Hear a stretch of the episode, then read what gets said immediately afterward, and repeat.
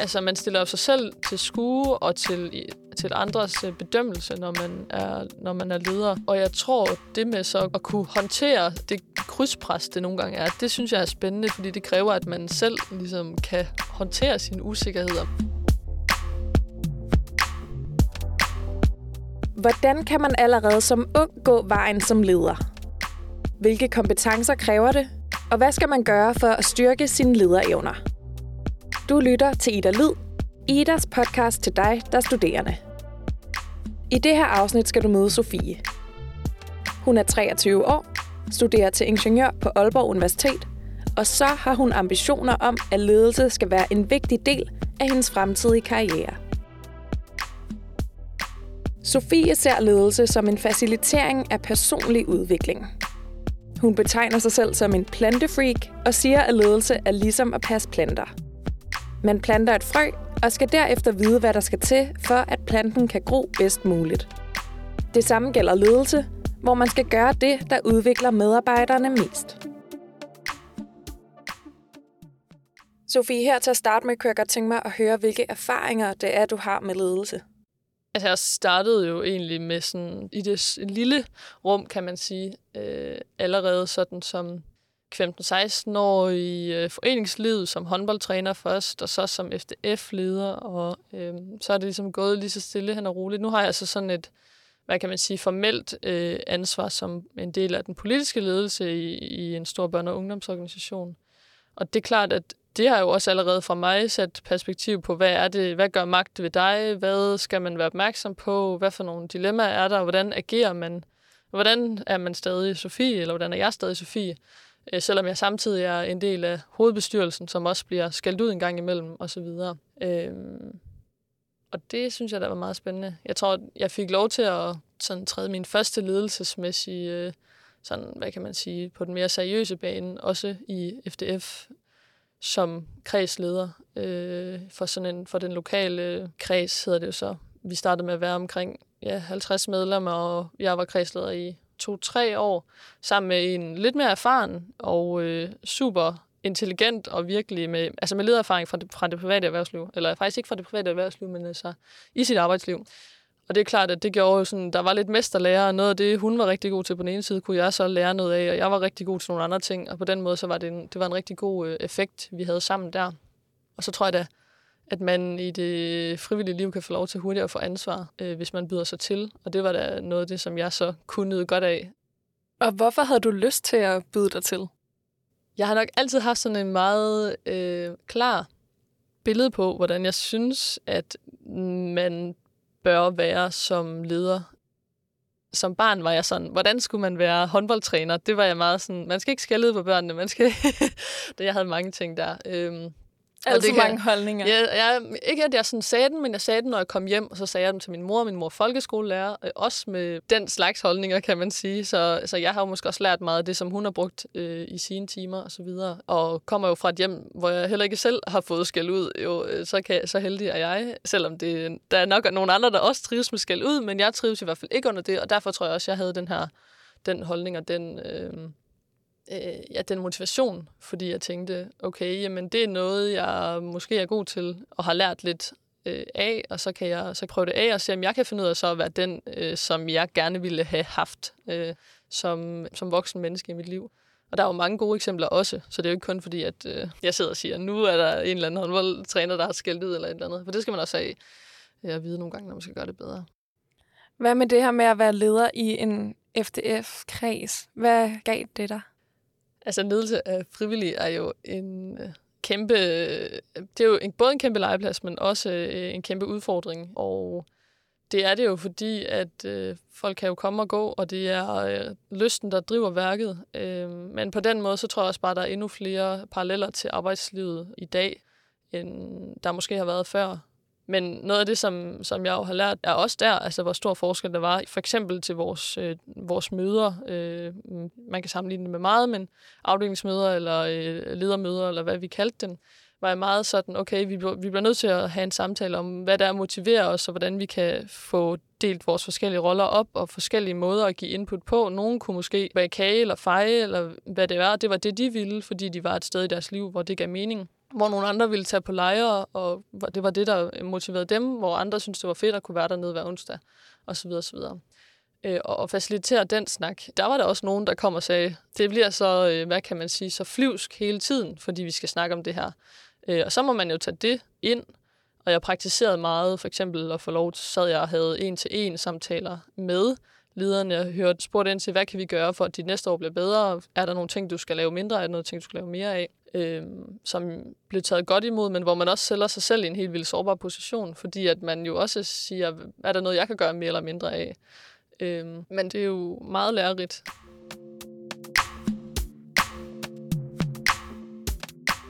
Hvilke lederambitioner er det helt præcis, du har? Det er nok svært at svare på. Øh, lige nu arbejder jeg jo meget med små og mellemstore virksomheder, produktionsvirksomheder typisk. Øh, og der er der jo virkelig mulighed for at rykke meget øh, og gøre store forskelle. Men det er klart, at der er jo også de store virksomheder, hvor man også kan få lov til at få stort ansvar, og på den måde have sådan lidt mere en, en fast karrierevej, og øh, så går der nogle år, så bliver du forfremmet, eller får flere ansatte under dig. Og jeg tror ikke helt nødvendigvis, at jeg har besluttet mig for, øh, hvilken vej jeg skal gå der, men jeg ved i hvert fald, jamen, skal jeg sidde i en øh, små og mellemstor virksomhed, så vil jeg gerne være direktør, eller et eller andet i den stil. Øh, og øh, ja, det, det er klart, at hvis det, er en, øh, hvis det er en stor virksomhed, så går der nok øh, lidt flere år, før man kan få den rolle. Øh, men det er topleder af en art, og så kan det godt være, at i situationer, hvor jeg så bliver tilbudt det, tænker, okay, det var ikke lige mig, jeg vil hellere være bestyrelsesformand eller bestyrelsesmedlem, så er det jo det. Men altså lige nu, så synes jeg, det kunne være meget nice at prøve. Det lyder spændende. Jeg ved ikke, om der er noget til det, men jeg kunne måske forestille mig, at jeg selv vil have lidt svært ved at stå ved og sige, at jeg godt kunne tænke mig at være leder. Altså, jeg ved ikke, om det er sådan lidt jantelov, der kommer ind over det, men det der med, at man har ikke lyst til at tage sådan en øh, bestemme rolle på sig. Har du også haft det sådan på noget tidspunkt? Ja, det har jeg. Jeg tror, øh, for mig har det altid været blandet. Nok fordi, at jeg er blevet den givet tit.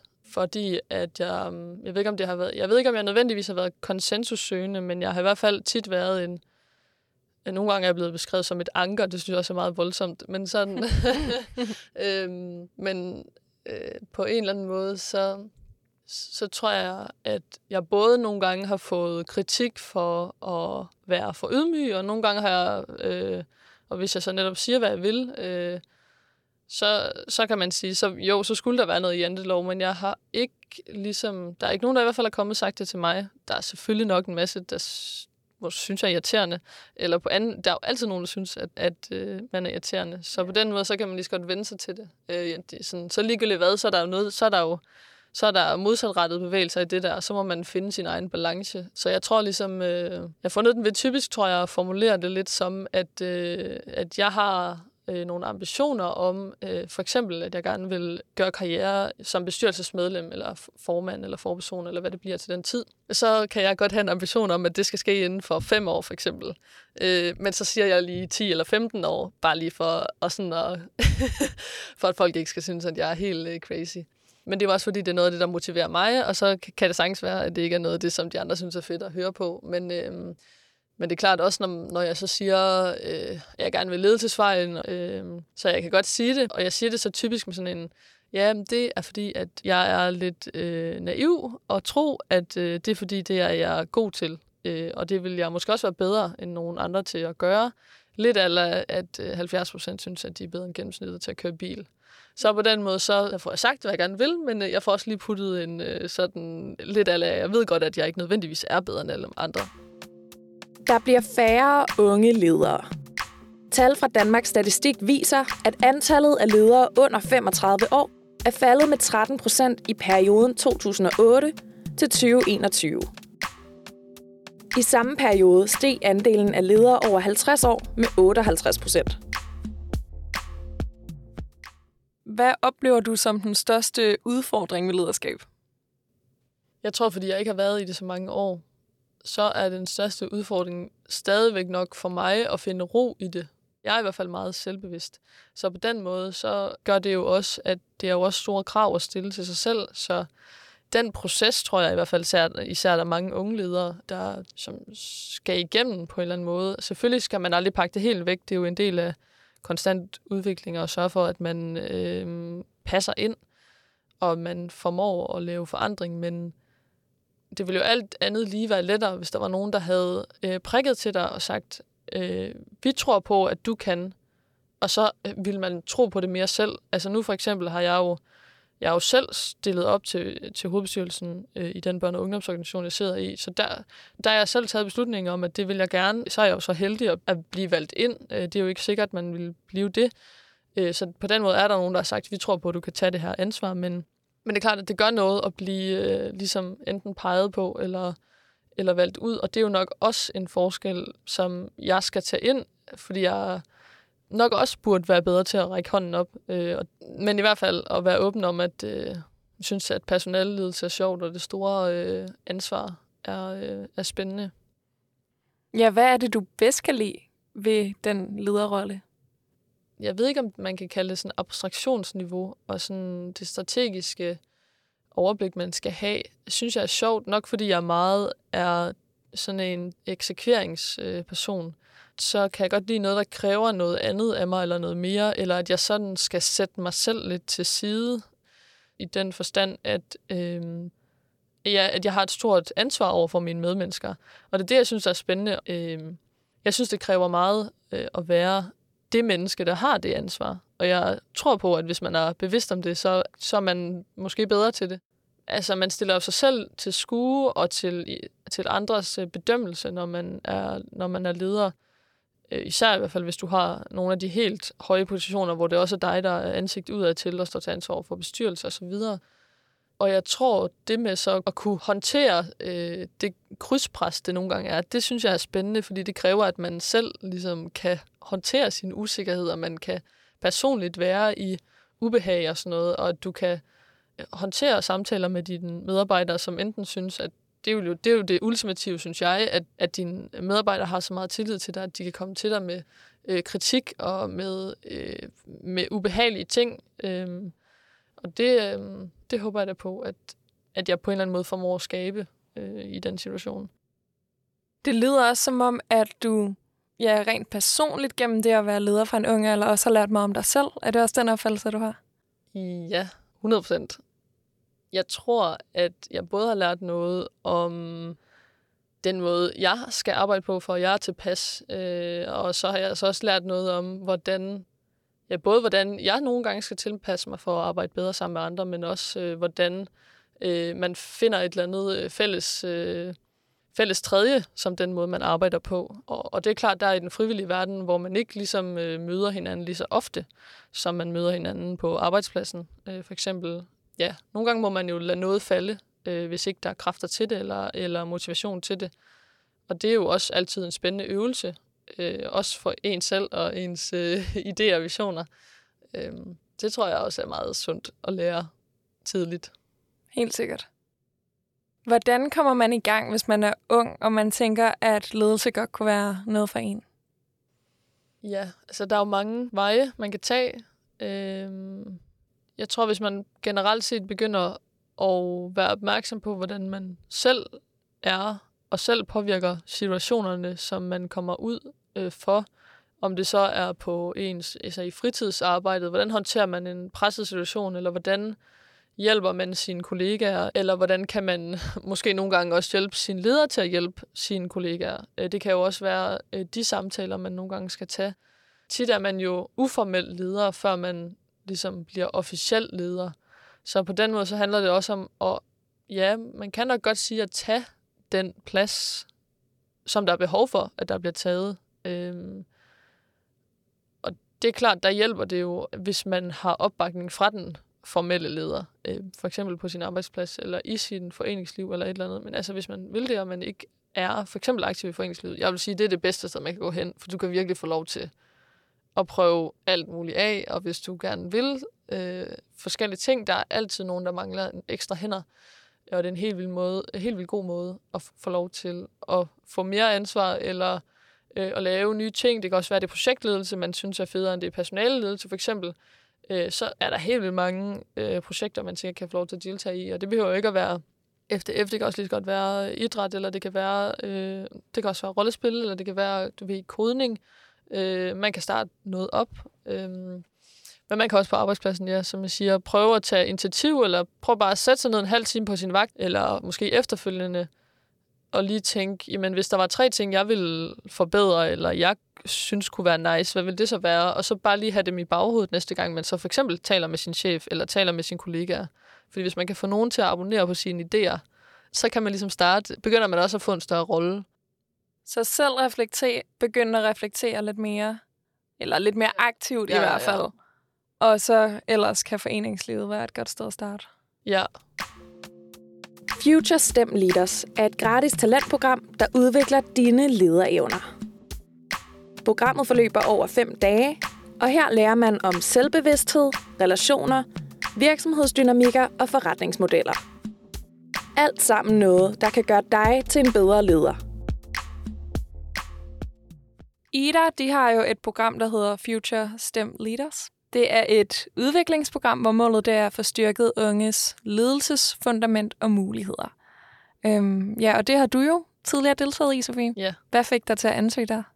Jamen, øh, det var en mulighed for at få noget netværk af andre, der var ligesom øh, lidt ligesom mig ambitiøse på det her område, og en mulighed for at lære noget mere. Øh, og ligesom på en eller anden måde sådan commit mig og begynde at sige det højt, tror jeg lidt. Øh, jeg har også brugt det sådan som... Nu havde jeg lavet ledelse en del i mit frivillige liv, og nu vil jeg også godt begynde ligesom at se, hvordan kunne det så forme mit, ja, min erhvervsmæssige øh, karriere osv. Hvad er det, man kommer igennem ved sådan et forløb? Dengang jeg var med, øh, var det tre workshops, så vidt jeg husker.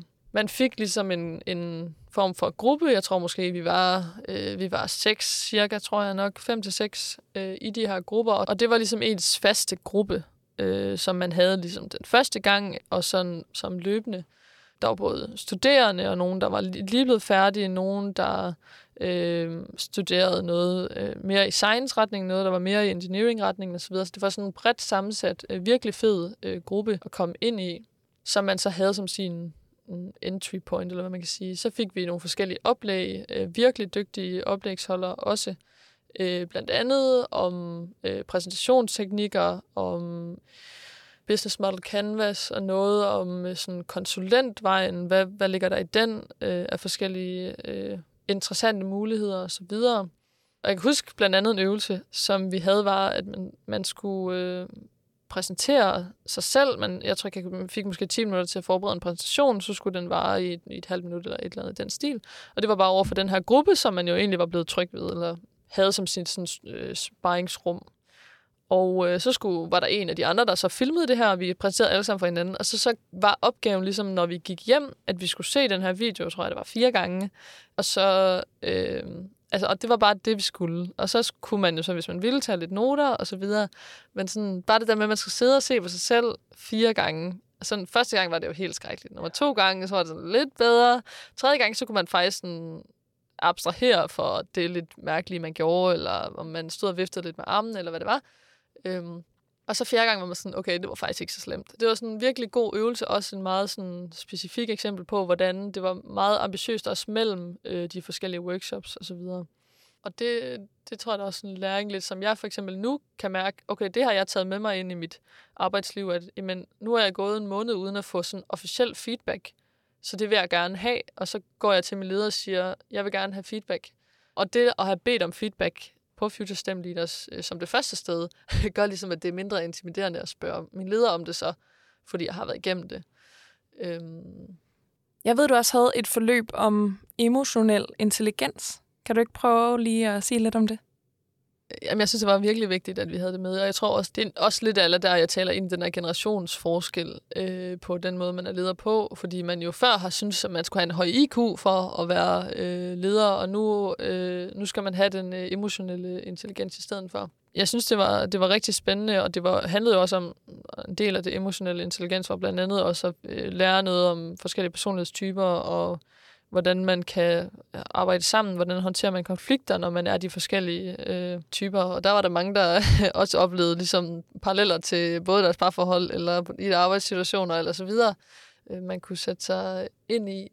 Øh, ja, som jo ligger sig godt i tråd med den ref, reflekterende og lidt sådan, hvad kan man sige, selvbevidste blik, man skal have for at kunne begå sig godt. Fik du det ud af forløbet, som du havde regnet med? Mm, ja. Eller det er jo altid svært, fordi jeg ved jo ikke, hvad sådan nødvendigvis hvad jeg havde regnet med. Det er svært, når man... Det, er jo, det var også første gang, det havde kørt, så vi havde heller ikke... Eller jeg var på det første hold, så jeg kunne heller ikke spørge andre, sådan, hvordan havde det været og sådan noget. Øhm, og så var det mit første sådan lederkursus, hvis man kan sige det sådan. Øhm, og det var jo meget bredt, og også sådan ligesom øh, rettet øh, forskellige typer mennesker. Så jeg tror måske, jeg var meget sådan, okay, hvad med, hvad med det her, hvad med det her, hvad med det her? Øhm, og der tror jeg bare, at der har nok været, der har bare været heldig, at de har faciliteret det sådan, at man har kunne få det der rum, hvor man kunne tale om det, som så interesserede en øh, i sin gruppe. Unge ingeniører vil gerne være ledere. I IDAs ledelses- og ligestillingsundersøgelse fra 2020 svarer mere end 80 procent af de adspurgte under 30 år, at de muligvis eller helt sikkert er interesseret i en lederpost. Her til sidst kunne jeg godt tænke mig at høre dig, hvad det næste step er for dig i forhold til at arbejde med ledelse. Altså lige nu er jeg ved at skrive min stillingsbeskrivelse på det studiejob, jeg har som fastansættelse. Så det er klart, at der prøver jeg jo selvfølgelig på at få det så forretningsudviklende som muligt. Øhm, og det bliver da en spændende øvelse. Ellers så, øh, så er jeg lige ved at blive indrullet som, øh, som Danmarks ungdomsdelegat til FN. Så det er en helt ny form for øh, ledelse, fordi det jo er sådan, det er meget selvledelsesagtigt. Det er jo øh, en form for interessevaretagelse øh, af børn og unges interesser i FN. Så det handler jo om at øh, være god til at øh, både holde debatter og side events og moderere talks og sådan noget. Øh, og det er klart, det er sådan lidt, et, det er lidt en anden form for ja, en anden form for ledelse, end det, jeg havde regnet med. Øh, jeg tror måske bare, jeg havde tænkt, at jeg skulle tage den, du ved, den lige vej øh, i øh, et af de tre store øh, management consulting øh, huse, men, øh, men det her var alligevel en ret stor mulighed, som jeg ikke havde lyst til at sige nej til. Så jeg tror lidt, nu går jeg lidt sådan og venter på, hvad, hvad bringer det mig? Øh, det er klart, at det arbejde, jeg laver, der vil øh, få mig i kontakt med mange forskellige aktører, både fra det private erhvervsliv, men også i det politiske system, som hvis det bringer noget spændende af sig, så, så skal jeg jo også være åben for det, kan man sige. Hvis du selv har ambitioner om at blive leder, eller kunne tænke dig at finde ud af, om rollen er noget for dig, så hold øje med Future STEM Leaders – udviklingsprogrammet, som Sofie har deltaget i. Du kan læse mere på Idas hjemmeside. Mit navn er Ida. Tak fordi du lyttede med.